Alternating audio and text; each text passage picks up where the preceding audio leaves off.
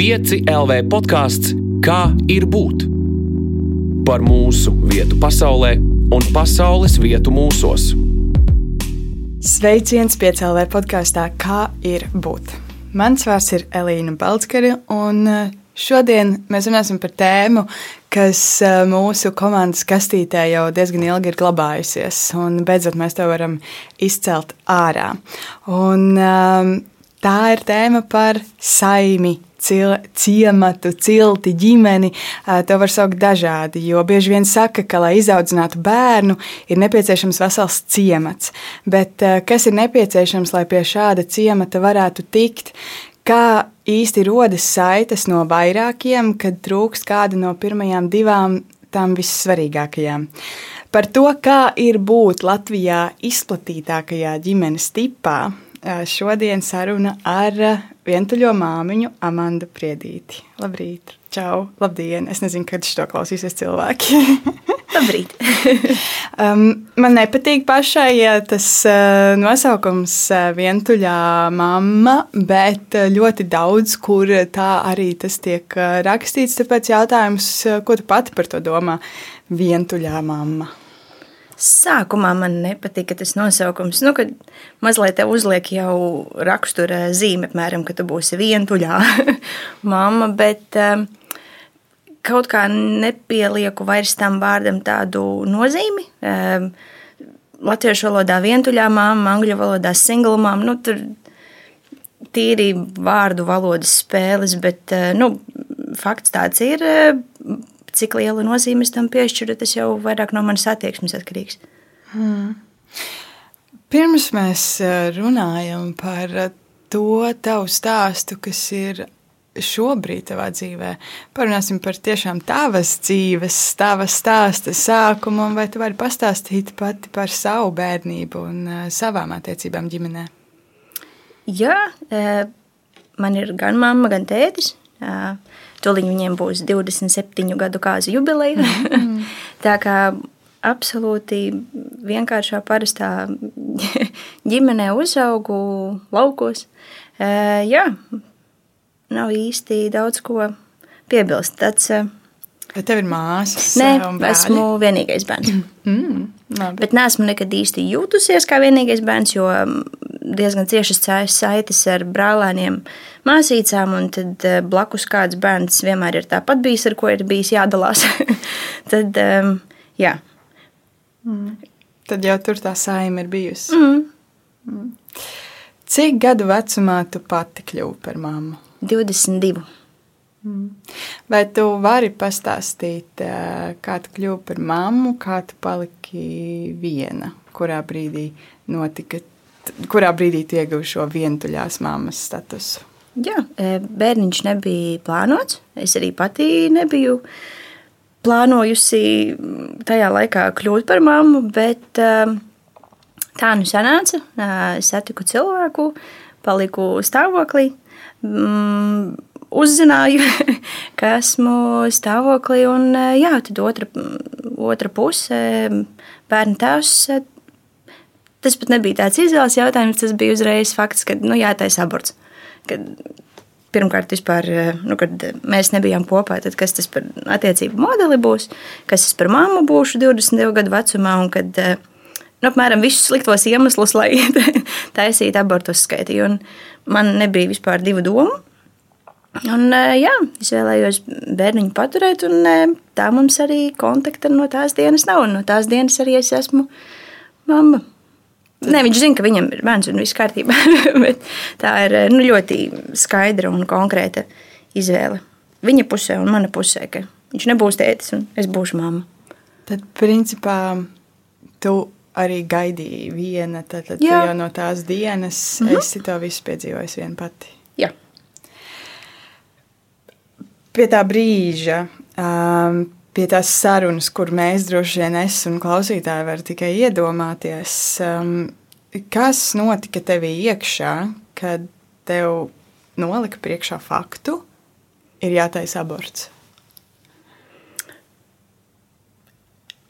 Es to pat ne, neaizlaidu līdz sevīm to domu, to ideju, jo labi, šis ir uh, interesants, smieklīgs stāsts, kurus uzzināju, ka esmu stāvoklī un kā es biju aizlidojusi uh, uz citu valsti dzīvot. Nu, ne pavisam pārcelties, bet uz sezonu, uz vasaru, uz dienvidiem. Un, uh, tur jūtu, ka kaut kas ar mani nav kārtībā. uh, pirmais, laikam, ko dara, nu, drošības pēc jāuztais grūtniecības tests, un tad es biju absolūti viena citā valstī. Kad es uzzināju, ka esmu stāvoklī, tad skrēju pie vietējām slimnīcām, pie doktoriem noskaidrot, un tur sākumā šoks, nesaprotība. Viss laiks pasaule ir apstājusies, eh, to informāciju grūti sagramot. Un uh, sēžu pie doktora, raudu, doktoris nesaprot, saka, apsveicu. Bet, uh, jā, un uh, kaut kā tā doma nomierinājās, nosēdās, tad man bija tāds, ok, nu, man būs bērniņš, es esmu mamma, viss. Lauva mātes instinkts ieslēdzās. Un tad, kad jau tālāk notika tā saruna, kad, nu, tā ir jābūt, man tā informācija nemaz ne, neatnāca līdz manim. Man tāds, nu, nē, nu, man bērniņš būs tas, kā tu savā pusē rīkojies, tas, tas vairs manu izvēli neietekmē. Mm. Kā jūs um, dzīvojat? Jo tas ir izaicinājums. Tomēr arī dabā ir paredzēts, ka bērniņš uh, rodas starp diviem, un, uh, un divi arī par to rūpējas. Uh, kā tu dzīvo, kā tu uzturi sevi un dēlu, um, lai jums uh, viss būtu gana? Uh, nu, strādāju, pilna slodze, bet um,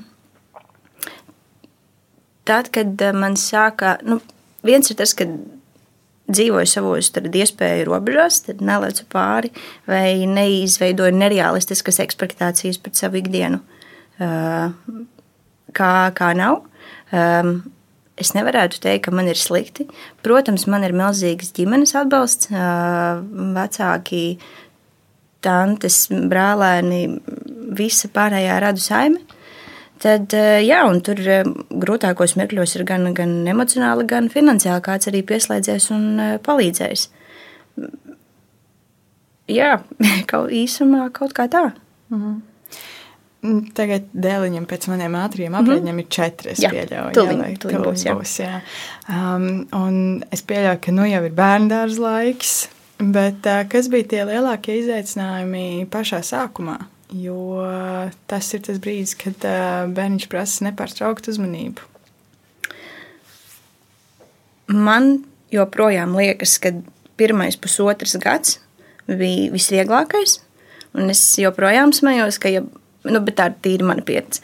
Ja bērnu būtu tik viegli audzināt kā pusotrajā gadā, man būtu desmit. Nu, absolūti bez problēmām. Es kaut kā ļoti viegli to tvēru un baudīju to laiku, kas bija. Es esmu ļoti pateicīga, ka mums valstī ir iespējams pusotru gadu būt dekrētā. Tas ir fantastiski. Protams, gribētos vairāk, bet man ir es to laiku ļoti izbaudīju. Un absolūti, man liekas, viņš ir domāts, lai tu koncentrētos un priecātos par to bērniņu. Jums ir fantastiski iespēja būt kopā, divi tādi. Tā es viņu arī maksimāli izmantoju. Nebija sajūta, ka man kaut kas trūkst vai ka man gribās atpakaļ uz darbu, lai gan man patīk strādāt. Bet, jā, braucām, ceļojām, lidojām, kāpām vilcienos, braucām apkārt pa Latviju. Tā kā es ļoti izbaudīju to pusotru gadu. Man drīzāk tādas pirmās problēmas vai iekšējie kaut kādi pārmetumi sākās, kad bija jāatgriežas atpakaļ eh, uz darbu. Un eh, tad, kad saproti, ka tu to laiku vairs nevari simtprocentīgi veltīt bērnam, tev viņš ir jādala. Skaidrs, ka darbā tu viņu pavadi vairāk nekā mājās, nu, tīri stundas sadalot pusēlu mājas darbu un tā tālāk. Tad tur man bija mazliet galva jāpārstartē un jāpārdomā. Nu, jā, Vai tu vienkārši pats sevi nesāc emocionāli dzīt nos, ka tu dari kaut ko nepareizi. Vienkārši nu, tā ir tā dzīves situācija tagad ir un dzīvojam tālāk. Kas bija tās domas, kuras tu sev nu, tā teikt baroji, lai tu nesāktu sev šausmīt par to? Kā ir, tā ir, strādājam, dzīvojam tālāk. Mm. Jā, varbūt tā ļoti virspusēji, bet um, nu, vai nu raudi, vai nu smejies. uz, uz to es diezgan daudz kam biju darbā, dzīvē ar, ar, ar šo pieeju. Un, vai nu sēdi un kaut ko pārāk pāranalizē un pārāk dziļi, un tad jau sevi sāc ķengāt un, un, un kaut kādas nepareizas domas domāt, vai vienkārši, nu, kā ir, tā ir, ņemam labāko, kas ir. Es domāju par um, tiem nu, nosaukumiem, jeb tituliem, kas mums dzīvē ir. Un, uh, ir kaut kādi tituli, kurus mēs iegūstam, kas uh, liedz iespēju iegūt citus. Uh, vai nu tas ir tīri tāpēc, ka vienkārši neiet kopā, uh, vai nu tas ir uh, tāpēc, ko katrs no tiem mums prasa. Un tad mans nākamais jautājums ir par to, kas ir tas, kas vientuļā mamma nevar būt. Ja reiz tu izpildi šo lomu, kas tu nevari būt? Labs jautājums. Es nevaru būt ētis Un to es sev agri sapratu, un sapratu, ka man nav šī loma jāizstāj. Tad man nav jābūt diviem vecākiem. Es esmu mamma, un es esmu laba mamma, labas mammas izpildījumā. Tad man nav neviens jāizstāj, jāizvieto. Nu, savā ziņā varbūt jā, tur, kurš mājās maizi nes un tā tālāk, bet eh, jā, man nav jāizstāj divas lomas, un nav arī negatīvi jāietekmē tā otra loma. To, to es arī pati cenšos eh, paturēt prātā un eh, nesāku runāt kaut kādus nevajadzīgus tekstus bērnam no mazotnes, kad tevi pameta, vai tur tētis negribēja, vai tētis bija tāds un šitāds. Bet, nu, tas ir tavs tētis, tas ir fakts, bioloģiski mēs tur neko mainīt nevaram. Kāds tev tas priekšstats radīsies par tēti vispār kā par tēlu, tas, tas jau ir tīri kādā sabiedrībā un kādos cilvēku lokā es eh, viņu turēšu. Man ir pašai paveicies ar eh, ļoti labu tēti. Es zinu, ka viņš no viņa gūs priekšstatu, ir, ir citi labi vīrieši tēti apkārt. Kā, jā, to es sapratu, ka man to tēta lauciņu nevajag aizpildīt. Mm. Un tas ir tā man atbilde par, kas man nevajadzētu būt. Viss pārējais debesis ir limits. Kā tu atstāji brīvu to tēta vietu? Jo Es ticu, ka droši vien ir reizes, kad gribas iesprāgties. Varbūt es vēl neesmu tik ilgi vecāks, ka kaut kādas uh, pušu lietas, kas standartā nāktu no tēta, man būtu jāizstāj. Vēl, vēl mums ir mazāka tā bērna fāze un pieredze, bet um, šobrīd vairāk par um, tieši par runāšanu, par to, ko es saku vispār par par vīriešiem kā tādiem, par, nu, par valodu domāt, lai kaut kas neiesēžās bērnam zemapziņā, nevajadzīgs priekšstats par attiecīgo otro vecāku. Tu izklausies tāda ļoti pozitīvā ziņā, pozitīva un pieņemoša un saprotoša, jo es domāju, ka tur arī tevī pašā ir jābūt tādai lielai piedošanai un pieņemšanai, lai tu nesāktu kaut kādā sāpīgā brīdī dusmoties uz to cilvēku, kurš kaut kādā mērā nu, ir tevi nostādījis šajā mm. situācijā, jo tur tu nenonāci viena. Un apbrīnojam, ka tu spēj to neaizdvest tālāk, un cik apzināti tu pieeji šai komunikācijai ar bērnu. Vai tevī tas ir vienkārši dabīgi iekšā, kā personībā, vai tas ir bijis eh, darbs eh, ar sevi, padoms no cita, no speciālista. Kā tas tev ir tā izveidojies, ka tu vari šobrīd tik tādu, man gribas teikt, vieglu sirdi par to runāt? Gan jau viss kopā no iepriekš minētā. E, nu viens ir, eh, nav vērts vienkārši dusmoties, jo tu dienas beigās sev pāri dari. Nu, dusmojoties, ne tev no tā labums, otram cilvēkam ne silts nav augsts no tā, ka tu uz viņu dusmojies. Um, Otrs, tas gan man ir mācīts no bērnības, un vispār kaut kāda eh, dzīves vērtība, ka cieņa pret dzīvību. Un, uh, lai cik ļoti man otrs cilvēks kaut kādā dzīves posmā būtu Protams, ka es esmu dusmojusies un, un, un izlikusi negatīvās emocijas, bet eh, nu, grozos kā gribu, bez viņa man, mans bērns šodien nebūtu. Tā kā kaut kādā tādā pamatlīmenī vienkārši nu, paldies savā ziņā ir jāpasaka. Kad, eh, kaut vai par to, ka man skaists tēliņš tagad ir. Mm. Uh, nu jā, tās divas lietas, un uh, iespējams arī vienkārši rakstura īpašība, ka es, kas ir slikta un laba pārāk ilgi nekavējos tur, kur nav jākavējās. Mm. Kā tev šķiet, vai tu esi kaut ko atdevusi, saņemot dēlu un rūpējoties par viņu vienu? Nē. E, ja skatās no tāda virspusēja līmeņa un tīri par to, ko es dzīvē darīju līdz tam, kad man bija bērns, tur jā, varbūt karjera pamainījās vai kādas iespējas nāca un gāja, bet es uzskatu, ka es ar bērnu esmu tikai vairāk iegūsi. E, absolūti cita prizma, kā tu uz lietām raugies un, un, un vērtība un prieks un viss pārējais. Jā, tu kaut ko zaudē, bet uh, tu dabū vietā kaut ko citu, kas ir absolūti nes, neieliekams vienā plauktiņā. Tā kā ne, es uh, neuzskatu, ka es būtu kaut ko atdevusi. Vai tu esi saskārusies kādreiz ar kaut kādiem stereotipiem eh, par to, kas ir vai nav ģimene, arī attiecībā uz to, ka jūs divi esat ģimene? Varbūt pašā sākumā slimnīcā, kad es tikko devos uz dzemdībām, bija tāda mazliet neveikla sajūta, bet varbūt arī tas visās tajās miljonas emocijās bija manā galvā. Bet uh, man bija līdzi uz dzemdībām mana mamma, un tad, uh, kad jāraksta dokuments, kas ir bērnu tēvs un tā tālāk, un es izvēlējos neminēt, nu labi, tur arī tīri juridisku iemeslu dēļ būtu ļoti liela cīņa dabūt to vārdu un uzvārdu tur iekšā. Bet, um, tur varbūt mazliet bija tā sajūta, ka oh, jaunā māmiņa, viena atnākusi kaut ko te bļaustās, kā visas pārējās.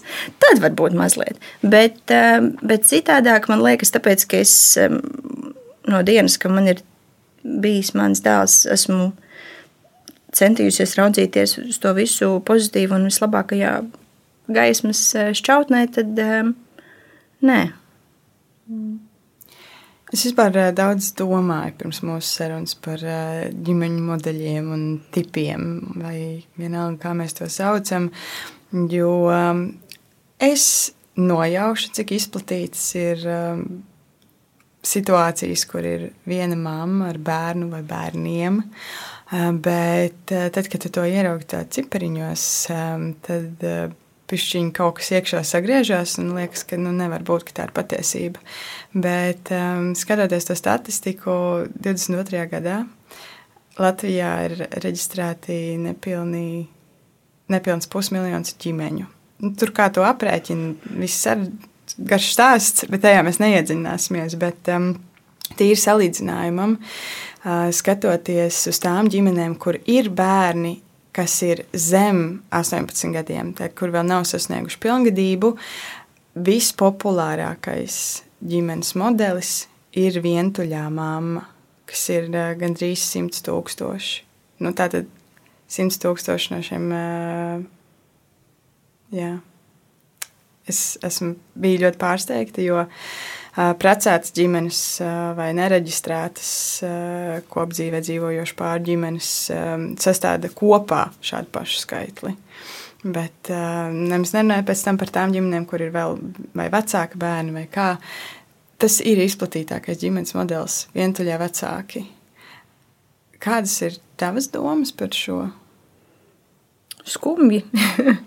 um, negribās visus mest. Um, vienā katlā, nu, tieši par vientuļām mamām runājot, nu, ka nabadzīņi vai kad uh, upuri, nu, jā. Mm. Pilnīgi vārdi aptrūkās. Uh, Jā, es, es par zinu, ko domāju. Viens ir nu, tie cilvēki, un, un, protams, ka nevienu nevajag nu, tur, nu, nabadzīņus un upurus mm -hmm. taisīt. Bet es domāju par to konceptu, nu, kā mums liekas, ka ģimene ir tur tāda un šāda, un tur divi vecāki, un mm. arī tu saki, ka tu centies tur atstāt to vietu it kā, nu, mentāli tukšu, mm -hmm. lai ir ar ko aizpildīt to vēlāk.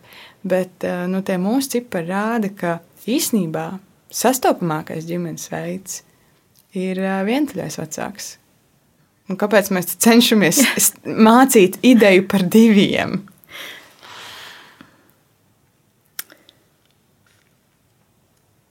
To viņi noformulēšu. nu, jā, e, atkarībā nu, es un mans dēls, mēs esam ģimene, par to nav šaubu. Vai es tāpat savam bērnam mācīšu, vai stāstīšu, vai rādīšu, ka nu, ģimenē ir, lai pie bērniņa tiktu māma, tētis.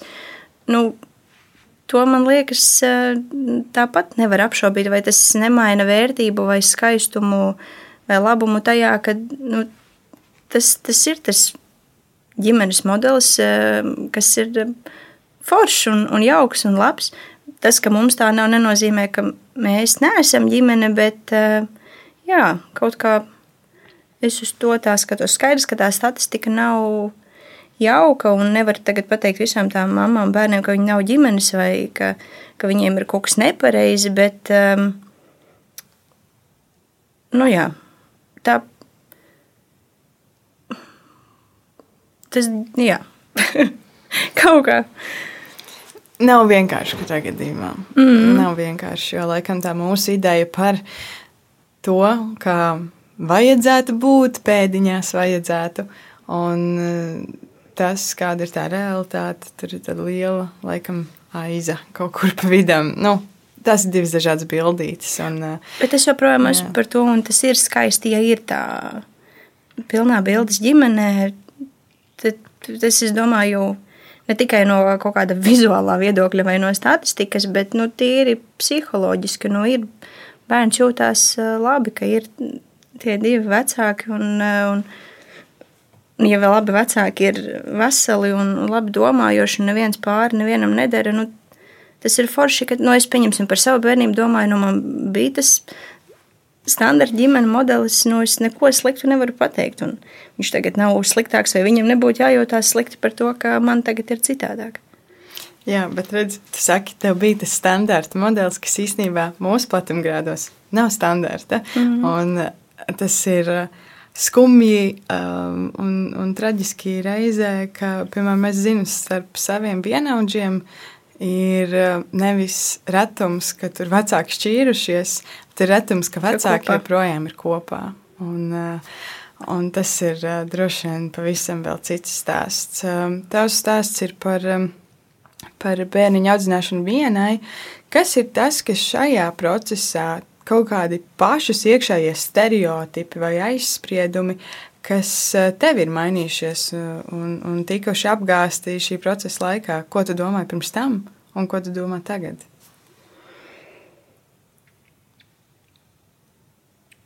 Man īsti nav, vai nebija. Nu, es zināju, ka ir stereotipi, ka, ja tur bērns nāk no viena vecāka ģimenes, tad viņš ir mazliet dzīvē norakstīts un nākamais cietumnieks un tā tālāk. Bet eh, nu, skaidrs, ka viens no simts stereotipiem būs arī īstenība, bet tas jau neuzliek zīmogu absolūti uz visiem.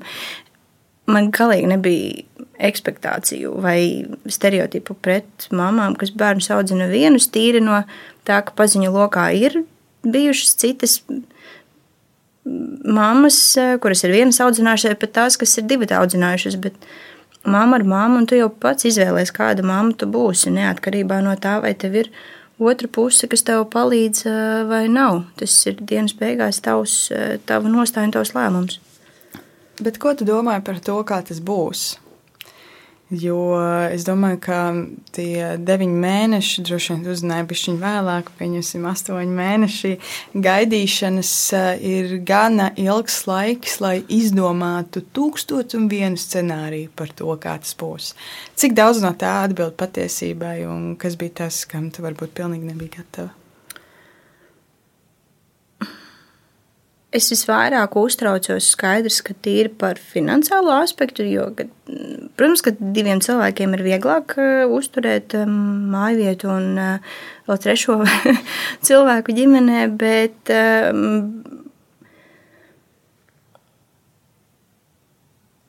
Man nekas mani neapgāza, vai nebija man kā augsts ūdens uz galvas. Ok, tīri pašā sākumā pēc dzemdībām, kad tev vēl visas smadzenes stājas vietās un, un putni vēl ir galvā, tad, tad varbūt tu tam neesi gatavs, bet tam tu vari kursus iziet un nebūsi gatavs. Tā kā bija uztraukumi, bet te atkal atgriežas kaut kāda mana rakstura iezīme, kad kā būs, tā būs, un dzīvojam tālāk. Un, Iespējams, tas ir kaut kāds man pašai sargāšanās mehānisms, cik es tā viegli esmu šim visam izgājis cauri. Un eh, kaut kādā vēlākā dzīves periodā tas man nāks kaut kāds šoks, emociju vilnis virsū, bet, eh, bet tā nekas tik grandios, ka es būtu mm, apstulbusi vai negaidījusi, ka tā būs, tā nebija. Izklausās, ka tev ir stipri dzimis kaut kāds vai mātes instinkts vai kaut kas tāds, kur tev liekas, ka, ka tev ir jāizdara viss, kas ir un reizēm nav tavos spēkos, un tu pat nejūti, kā kaut kas, nu, kā kaut kas no tevis tiek paņemts vai kā kāds kaut ko atdod, ka tas vienkārši organiski no tevis plūst ārā. Vismaz tāds ir mans priekšstats šobrīd. Bet um, tu pati minēji gan sākumā, gan, um, gan arī tad, kad mēs pārmījām dažas ziņas, runājot par mūsu sarunu, pirms tam, ka tev nemaz negribas teikt, ka tu esi vientuļā mamma, jo tev ir uh, atbalsts no visām pusēm, un, un kad ir vesela saime apkārt, kas uh, ir kopā ar tevi. Vai tu esi meklējis šo palīdzību, vai kā tas ir noticis, kā palīdzība pie tevis ir nonākusi? Man ir paveicies, kā jau es iepriekš minēju, tad ir diezgan liela ģimene. Nu, man nav brāļa māsas, bet uh, visi pārējie iesaistītie radinieki. Man ir ļoti mīļi draugi, kas um, manam dēlam piedzimstot, man pēc sajūtām ir kļuvuši kā ģimene, ir bijuši iesaistīti no pirmās dienas, un jau ir praktiski tā kā tantes un onkuļi, tad um, tas draugu vai ģimenes lokus man jau vienmēr ir apkārt bijis. Mirklī, kad es tiku pie dēliņa, tas bija tīri jautājums, cik daudz es pati prasīšu to palīdzību vai pieņemšu, jo visi jau raksta kartiņās, ja vajag palīdzību, droši dod ziņu. Tad, ok, tad var palīdzēt šodien vakariņas uztaisīt, vai, nezinu, iziet ārā, vai jebkāda cita veida palīdzība. Tad, um, jā, varbūt tādā vispār dzīves uh, šķērsgriezumā skatoties, tad ir paveicies ar šo loku apkārt, kas man ir diezgan plašs. Un uh, tīri tik, cik es pati arī gāju un, un ņēmu pretī to palīdzību. Man liekas, daudziem ir, um, ir tās vecmāmiņas, brālēni, tādas māsas apkārt, bet uh, kaut kādu nevajadzīgu sev slogu uzliek, ka, nu, ja divi vecāki, pieņemsim, ka viņiem pašiem ar visu tagad ir jātiek galā, ne par velti viņi ir divi un uz maiņām, bet, nu, tā nav, nu, vajag to, to bija kaut vai vienam otram to, to palīdzību vai kaut kādu mazliet emocionālu atkāpi, izveidināt galvu un ķerties atpakaļ pie lietas. Tu mini par to palīdzības lūgšanu un palīdzības pieņemšanu. Kā tu to darīji? Jo kādam, iespējams, tev tas liekas pašsaprotami, bet ir citi cilvēki, kuriem lūgt palīdzību liekas absolūti neiespējami pieņemt, nu, ja liks to darīt. Uh, tas nav viegls uzdevums. Kā tu ar šo uzdevumu tikus galā? Pašā sākumā viens mest kaunu pie malas. Tas ir tavā galvā. neviens par tevi, manuprāt, tik slikti nedomā kā tu pats. Un es zinu, ka un to pat nevar pārmest, vai vēl kaut ko citām māmiņām ir grūti, tīri psiholoģiski kādam citam uzticēt savu bērnu. Man nebija. Man, ja mēs aizbraucām ciemos uz laukiem, tad es mierīgi savu zīdaini padevu trīs cilvēkiem pa, pa riņķi tālāk, un pati tikmēr divas stundas ilgāk pagulēju. Tur varbūt tas mans raksturs ieslēdzās, bet jā, nu, ka, ka nebaidīties neviens. Ka cilvēkiem, kam tu uzticies ikdienā, es domāju, tu vari uzticēt arī savu mazo, mazo bērniņu. Bet īpaši cilvēkiem, kam nav bijuši bērni, tas ir ļoti kuriozi skatīties, kā viņi tur bērnus pārbijušies un nosvīduši. Un, jā, un ne, nekautrēties, nekaunēties. Tas ir tā, principā, bumba tavā pusē. No viņas ir jātiek vaļā tas ciema modelis, ja mēs tā, varam saukt, saimas modelis, par kuru tu stāsti, kur ir daudz cilvēku, kas iesaistās un, un kas rūpējas par tevi un tavu dēliņu, nu, droši vien ir kaut kas mums arī jādara, lai rūpētos par to, ka mums tāds ciems vispār ir. Kā tu rūpējies par savu ciemu un palīdzi tam darboties? Mm grūti ir mani vienu izcelt. Tur man liekas, ir miedarbības starp to visu ciemu mīlums, kaut kāds cilvēcība vienam pret otru. Skaidrs, ka kaut kādi strīdi, kašķi gadās, bet nu, ģimene ir ģimene un ciems ir ciems. Un, jā, kaut kā man grūti izcelt vienu no manas puses esošu notikumu, jo cik es no savas bērnības atceros, kaut kādos mirkļos es esmu braukusi un palīdzējusi, vai kaut vai būšana blakām, un tas ir atkal to saiti padarījis stiprāku, un tā viņa vienkārši kā bumba no kalna veļoties iet, vai tur ir, nu jā, es esmu kaut kādu mīlestību devusi, un man tāda mīlestība ir dota pretī. Skaidrs, ka es nevarētu izveidot kaut kādas ciemas aidas vai um, tuvas attiecības ar kādu, kuram es dodu to savu mīļumu laiku un mīlestību, un pretī nekas nenāktu. Tā kā sakritība, laime, es nezinu, kā to nosaukt, vienkārši ir paveicies, ka tās saites gadu laikā ir, ir bijušas tik stipras, ka tas tā organiski viss ļoti notiek. Nu, došana jau arī ir eh, viena liela lieta. Rūpēšanās un būšana klāt citiem. Tas ir. Tas man varbūt no tagad, kad tu tā pasaki, no bērnības es zinu, manā mamma varbūt paveicies ar raksturu īpašību, bet eh, ne, noteikti arī no ģimenes piemēra. Mana vecāka arī ļoti devīgi ar visu, ar laiku palīdzību un tā tālāk. Māma stāstīja, ka es bērnībā visas veikala pārdevējas esmu apdāvinājusi ar zīmējumiem, un, un mūzikas skolotāji vienmēr nesu šokolādi. Tad jau viņi sāka sūdzēties, ka viņi vairs nevar uzvilkt bikses, ka lai es beidzu nest šokolādi.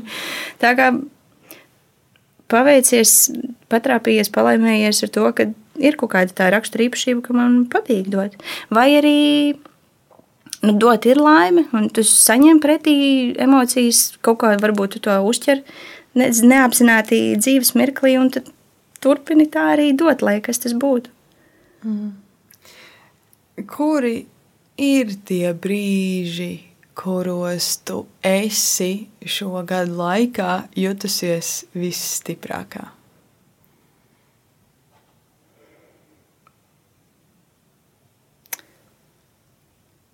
Pirmais, kas nāk prātā, kas varbūt nav tik dziļš, bet um, mēs lidojām ar uh, dēlu pavasarī no uh, ceļojuma. Mums bija pārsēšanās uh, vienā citā lidostā.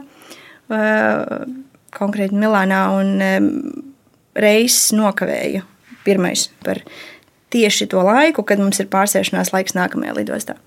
Un um, aizlidojam, skrienam kā Usains Bolts uz gaitiem, lai paspētu, un nokavējām. Un, um, Piecas minūtes panika, tev ir trīs gadnieks uz rokas, čemodāns, tu esi, tev bija jālido mājās, un tu nelido. Uh, Un izrādās, protams, ka nākamās dienas biļetes ir pārpārdotas, un tu vari pirkt um, opciju, ka, ja nu kāds neiesēžas, tad tu vari lidot, bet, ja tikai viena vieta, tad ko es lidoju, bērns nelidoja. un tad otra opcija bija, ka braukt ar autobusiem uz citu lidostu, uh, gaidīt nakti, no rīta lidot uz Tallinu, un tad no Tallinas ar autobusu uz Rīgu. Tad uh, 6 stundu atpakaļceļš pārvēršas 26 stundu atpakaļceļā. Bet, uh, ieslēdzās mans racionālisms, tāds, nu, ko sēžamies vai raudi. un um, aizbraucām, un uh, tas bija uz nakti.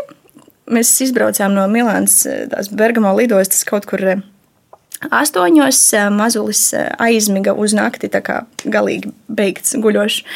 Um, pa vidam, tad es dabūju nest gan mugursomu, gan trīsgadnieku un aizbraucām līdz lidostai. Sakrāmējām, cik nu labi no Krētas atlidojot, eh, pāris krekliņus pagulējām, gājām iekšā lidostā, eh, nu, terminālī, eh, lidojām uz Tallinu, tikām vēl ekskursijā pie Tallinas, aizgājām uz, uz McDonaldu, paēdām un braucām autobusā atpakaļ uz Rīgu. Un, tad, kad es izkāpu, tad no Rīgas vēl vilciens uz Ogri, un izkāpām Ogrē, un tad es jūtu, kā viss adrenalīns ir izlaižās, un pēdējie trīs soļi ir visgrūtākie. Bet nu, tad, tagad, joprojām atskatoties, ir tāds malecis.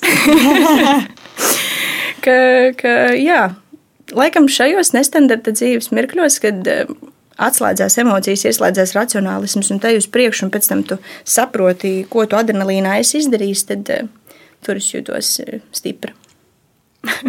Bet, laikam, jau arī šajā situācijā, nu, uz priekšu dzēna, tu saki, adrenalīns, kas mm. nu, izklausās, ka sakņojas kaut kādā es negribu teikt, izdzīvošanas instinktā, bet kaut kas līdzīgs to Jā. pusi, jo tev ir vienkārši jāparūpējas mm. pirmkārt nu, par to mazo dzīvību arī, vai ne? Mm. Kāds mātes, lauvas mātes instinkts ieslēdzās. Un, nu, vai nu sēdi un gaidi piecas dienas nākamo lidojumu, vai nu ņem un brauc mājās. Nu, pāris transporta līdzekļi vairāk. Pēdējā lidmašīnā man jau dāvā prasa, māmu, mums vēl jālido. Tas nē, nē, viss pēdējā lidmašīna. Mm. Tā kā kaut kā tā. Kuri ir tie brīži, kuros tu esi jutusies eh, visvājākā?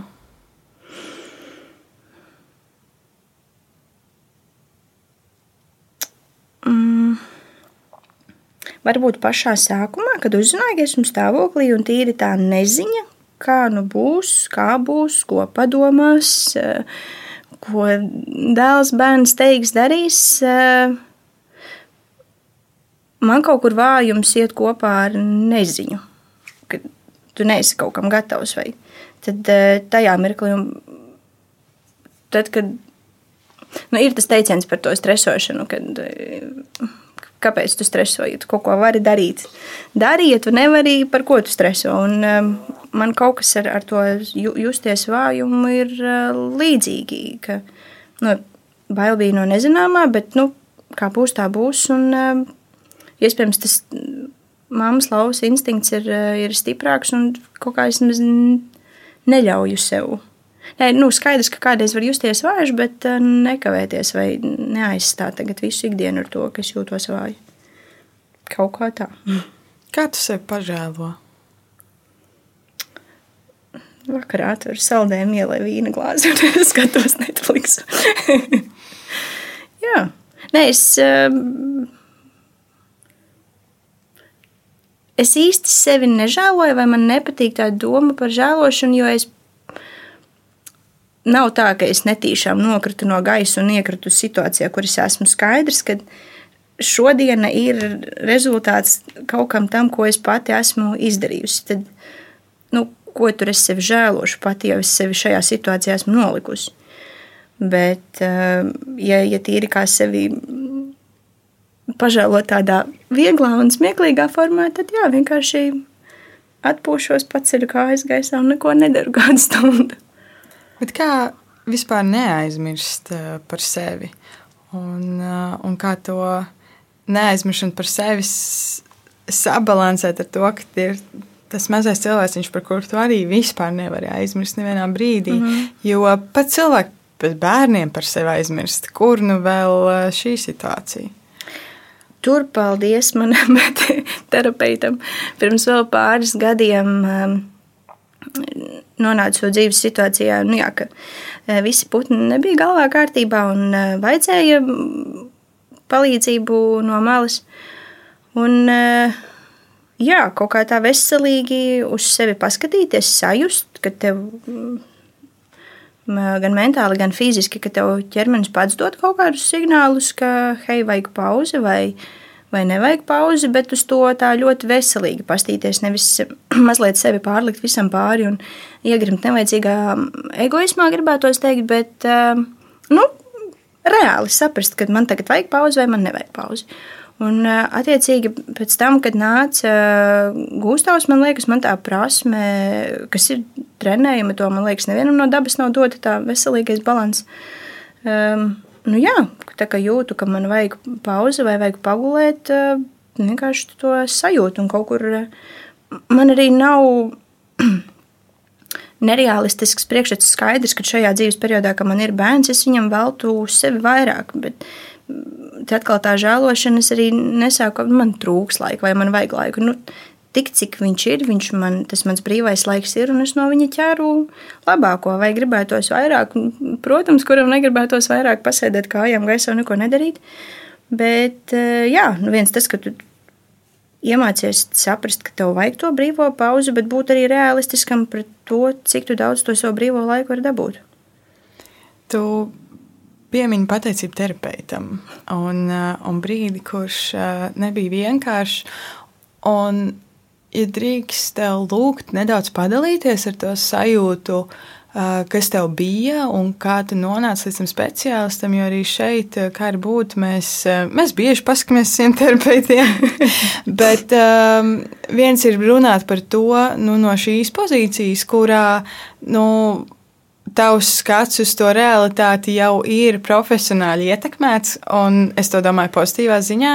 Tev ir daudz droši vien vieglāk sakārtot to, kas notiek tevī un savas sajūtas, bet ir cilvēki, kuri nav tur bijuši un, un nezina, vai doties, vai tas var palīdzēt kaut kādā mērā, vai vispār nesaprot, vai ir nepieciešams meklēt palīdzību. Uh, Un tāpēc, jā, vai tu vari pastāstīt nedaudz par tām sajūtām, kas tev bija, kā tu jūties savā dzīvē, un kas bija tas klikšķis, kurā saprati, ka tev ir nepieciešama palīdzība? Man liekas, mans uh, smaids un pozitīvisms ir, uh, ir dāvana un lāsts reizē, jo tieši ar tā šādu pašu smaidu es devos uz neiroloģu kabinetu, ka man kaut kas nav kārtībā. Un um, tīri fiziski organisms sāka mest uh, kaut kādas kļūdas, tur pēkšņi parādās iekaisumi un alerģija un vēl kaut kas, un tad tur ej uz analīzēm, un it kā viss kārtībā, tad, uh, nu jā, nu pašsajūta vienkārši tīri mm, fiziski miegs nav, un, un 18, 19 gados tev organisms met visādus kļūdas, ko nevajadzētu darīt. Un tad, jā, nonācu līdz neiroloģa kabinetam, un tur arī paveicās ar ļoti labu neiroloģiju, kas pirmkārt pārbaudīja, vai nav laimes, vairogs, iedzeres un tādas lietas. Un, tad jā, nonācām pie secinājuma, ka vai nu man tajā mirklī bija ļoti strauji un, un ātrs dzīves ritms, gan darba ziņā, gan, gan vispār kaut kādā ikdienas ziņā. Un, kad, nu, vai nu jāmaina ir ikdienas paradumi un dzīves stils, un um, iespējams pat darbs, vai nu antidepresantu un terapiju palīdzību. Un, protams, tajā savā kalna virsotnē, kad enerģija griežas pāri tāds, pf, kāds, kāda dzīves stila maiņas, kur tās ripas un, un kur terapeita kabinets. Bet, nu jā, tā, protams, nevajag darīt, un to es noteikti nevienam neiesaku, bet um, sāka palikt aizvien grūtāk un grūtāk, un tu ar sevi netiec galā, un tad jau līdz mirklim, kad tu pat fiziski ar sevi netiec galā, no gultas nevar izkāpt. Un, un, un, un raudi, un esi nekāds un nesavākts, un jau piekūsti no sevis. Un, protams, ka ir, man ir pašai personīgi viegli uzlikt to priecīgo un, un smaidīgo seju, bet nu, iekšēji tu jūties nekā. un tad, tad, kad jau tu esi līdz tai apakšai, apakšai sevi pats kaut kā nevajadzīgi nogurdinājis, tad saprati, nu, ok, kaut kas jādara. Un, te varbūt arī tas mans raksturs nospēlēja labo lomu, kad ir tas kaut kas ir jādara, un tad kaut ko arī daru. Un eh, pirmā terapija man nebija pārāk veiksmīga, un tad vienkārši caur runāšanu un paziņu lokam, bet ar terapeitu, kā arī jebkurām attiecībām, nu ir jābūt cilvēcīgai saiknei. Man paveicās, ka ar otro terapiju, eh, kas bija mākslas terapija, man, man ļoti patika un palīdzēja. Un, un tieši patika šajā procesā, ka Mēs nesēdējām viens otram pretī krēslā ar salvetīšu kastīti malā, kad, kura jau tev liek raudāt. un, un vienkārši bakstījām iekšā brūcēs un runājām, bet tā mākslas terapija bija forša, ka tu kaut ko darbojies, tu zīmē, līmē, krāso, absolūti māksla nav nekāda sakara, tu kā bērndārznieks tur uzvedies.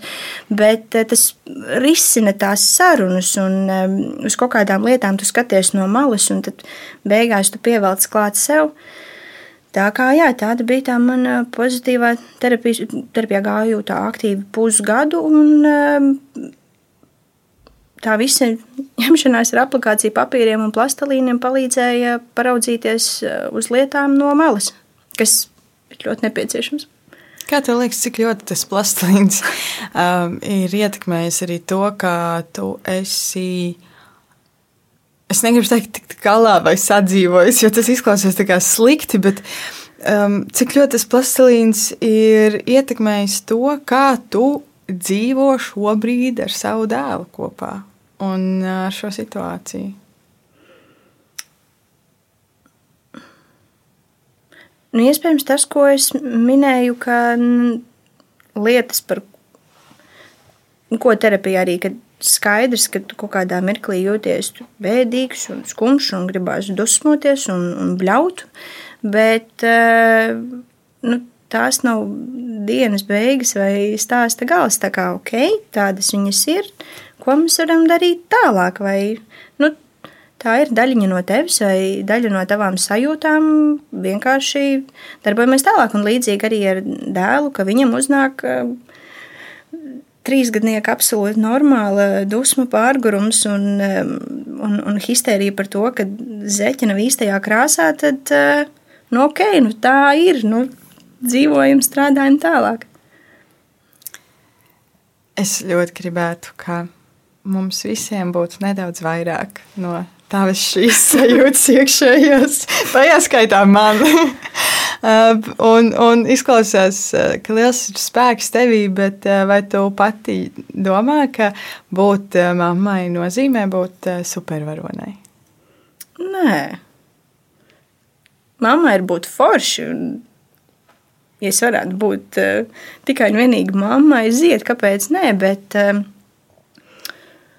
Nē, nu kaut kādos jau mirkļos skaidrs, ka mamma ir varonis un it īpaši tam bērnam, kad tu izdari kaut ko nereālo vai, vai pārsteigumu vai iepriecini to mazo cilvēciņu, tad tu esi viņam supervaronis vai tu viņu aizsargā un par viņu rūpējies, bet uz kaut kāda īpaša piedestāla likt un likt vai, ne vairogu, bet ap, apmetni ap pleciem, nu, nē, tas ir daļiņa no no visuma. No, nu, ir mammas, ir doktori, ir, ir, ir skolotāji, cilvēki. Tā kā daļa mm. no puzlītes. Un uh, ir doktori, kur ir mammas, tāpat kā ir skolotāji, kur ir mammas, tad mēs puzlējamies arī katrs sevi iekšā. Mēs um, runājam par tavu stāstu, kas noteikti atšķirās no daudziem stāstiem arī tieši ar to. Um, saimes klātesamību. Un, mm. un tu jau pati uzreiz teici, ka tu nejūties kā vientuļā mamma, jo tev ir tik daudz apkārt. Bet eh, ļoti daudz runā arī par to, ka mūsdienās patiesībā bērnus ir audzināt uh, krietni grūtāk nekā tas ir bijis kādreiz, neskatoties uz visām iespējām, mm. kas mums ir. Tieši tāpēc, ka mūsu sabiedrība kļūst aizvien vientuļāka, mēs aizvien vairāk noslēdzamies tajās kā tu teici, tajā pārītī vai nepārītī, kur mums visiem viss ir jāizdara pašiem.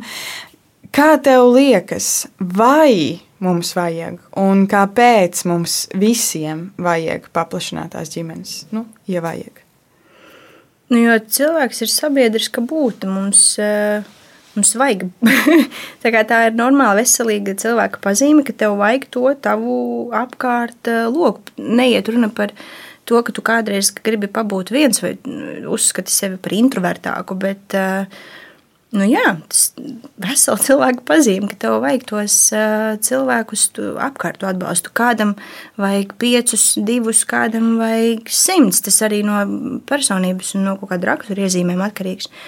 Bet jā, nu, nu, nav cilvēks paredzēts dzīvot viens uz mēnesi. Nu, ir, vajag, vajag to, to ka tevi kāds saprot, ka tu esi daļa no kaut kā, ka tev ir tā tā aizmugure. Tas tā, tā tam gribētu teikt, tā tam jābūt.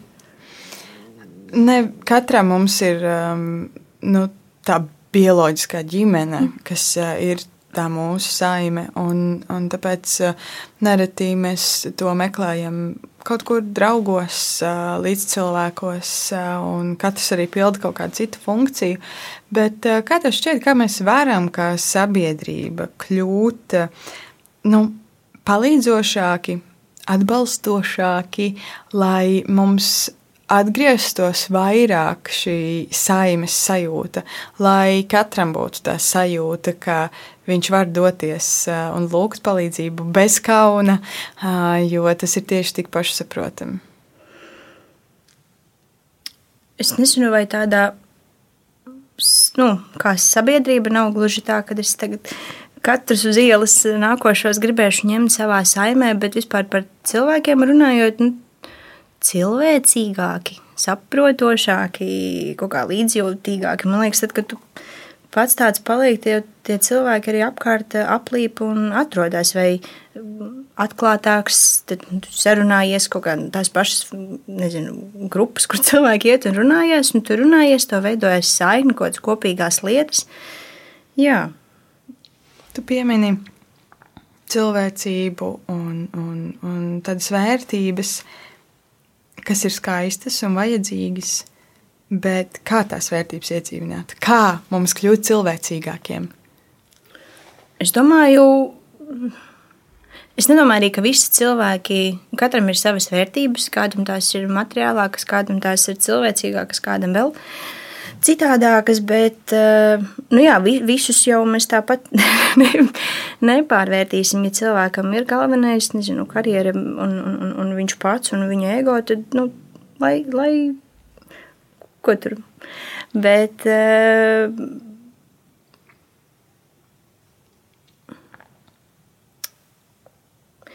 lai nav nerealistisku expectāciju kaut kādu pret dzīvi un par to, ko no viņas vajag un ko nozīmē būt patiesi laimīgiem, un vai cilvēks vispār vēlas būt patiesi laimīgs. Tā kā es domāju, tas par to dienas beigās atdurās. Katram pašam vienkārši jāieslēdz tā masa starp ausīm, un jā, es domāju par lietām.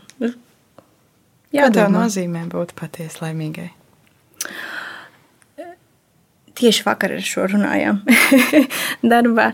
Um, man tas, es varu pateikt, vieglāk, ko tas nenozīmē. Tas nenozīmē, ka es esmu priecīga 24, 7 vai ka visu laiku jūtu, kā laimes hormoni pa mani plūst, bet uh, šķērsgriezumā, lai to atskatoties, tā kā ir tāds, ok, es jūtos laimīgs. Nu, Nu, ja tev pienāk kāds un pēkšņi pajautā dienā, ka tev viss ir slikti, vai tu esi laimīgs, tad ir tāds kāds laimīgs. viss slikti, punkts LV. Bet jā, tas tā atkāpjoties atpakaļ no sevis un no savas dzīves, vai tu, vai tu jūties laimīgs. Tā ir kaut kā tā. Un, ja tev vēl būtu jādod kāds padomiņš, ideja, Eh, kā mēs ehm, varam, kas ir tās mazās lietas, ar kurām mēs varam palīdzēt citām līdzīgām eh, ģimenēm un bērniem. Jo, ja reiz ir vajadzīga saime, eh, kaut kādā mērā mēs visi, kaut vai pastarpināti, noteikti esam kādas saimei, kādai saimei blakus stāvoši, ja ne tajā iekšā. Ko mēs varam kā sabiedrība darīt, lai mēs būtu labāki saimnes dalībnieki kaut kur arī citās mazajās saimītēs, lai citas līdzīgas ģimenes justos atbalstītāki.